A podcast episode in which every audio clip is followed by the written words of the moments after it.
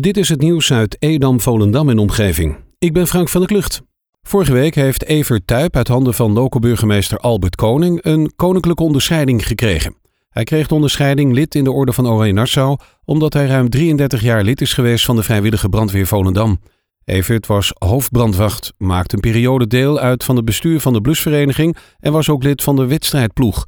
Hij is iemand die er voorkeur aan gaf op de achtergrond te blijven bij zijn inzet voor het brandweerkorps. Het korps hoopt nog jarenlang gebruik te kunnen maken van zijn hand- en spandiensten. Op grond van de vaccinatiestrategie van het kabinet zijn de eerste groepen die in aanmerking komen voor een vaccinatie medewerkers van verpleeghuizen, gehandicaptenzorg, werkverpleging en WMO-ondersteuning. Het eerste vaccin wordt landelijk op 8 januari gezet. Op 11 januari volgt een vaccinatie op de eerste drie locaties in Nederland. GGD Zaanstreek Waterland start op maandag 18 januari met vaccineren in sportcomplex De Beuk in Purmerend. De onroerende zaakbelasting gaat in Waterland volgend jaar stijgen met zo'n 17 procent.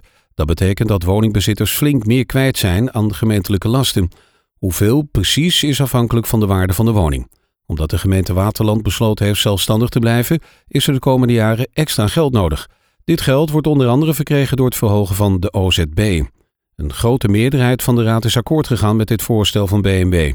Ook de andere gemeentelijke belastingen, zoals de afvalstoffenheffing en het rioolrecht, gaat volgend jaar omhoog.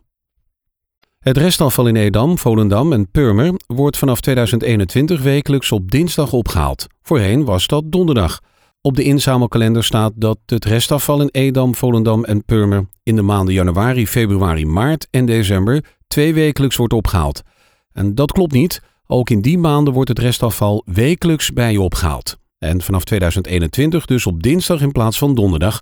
In 2020 wordt het restafval in Edam en Volendam en Purmer nog wel op donderdag 31 december opgehaald.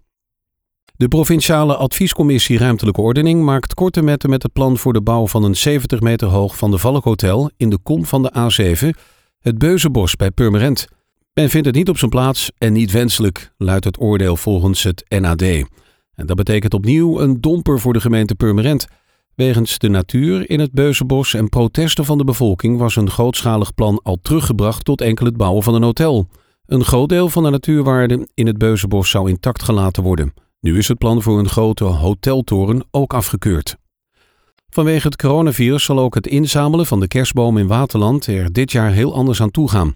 Om contactmomenten zoveel mogelijk te beperken, is er dit jaar voor gekozen om de kerstbomen door de gemeente zelf op te halen.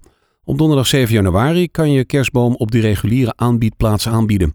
Vanaf 7 uur s morgens maakt de inzamelaar door heel Waterland een ronde om de kerstbomen op te halen. De verzamelde kerstbomen worden bij een biomassacentrale in Noord-Holland verkleind en gebruikt voor energieopwekking. Het is bijna 20 jaar geleden dat ruim 200 jongeren zwaar gewond raakten in het café Het Hemeltje in Volendam. 14 jongeren overleefden de nieuwjaarsbrand niet.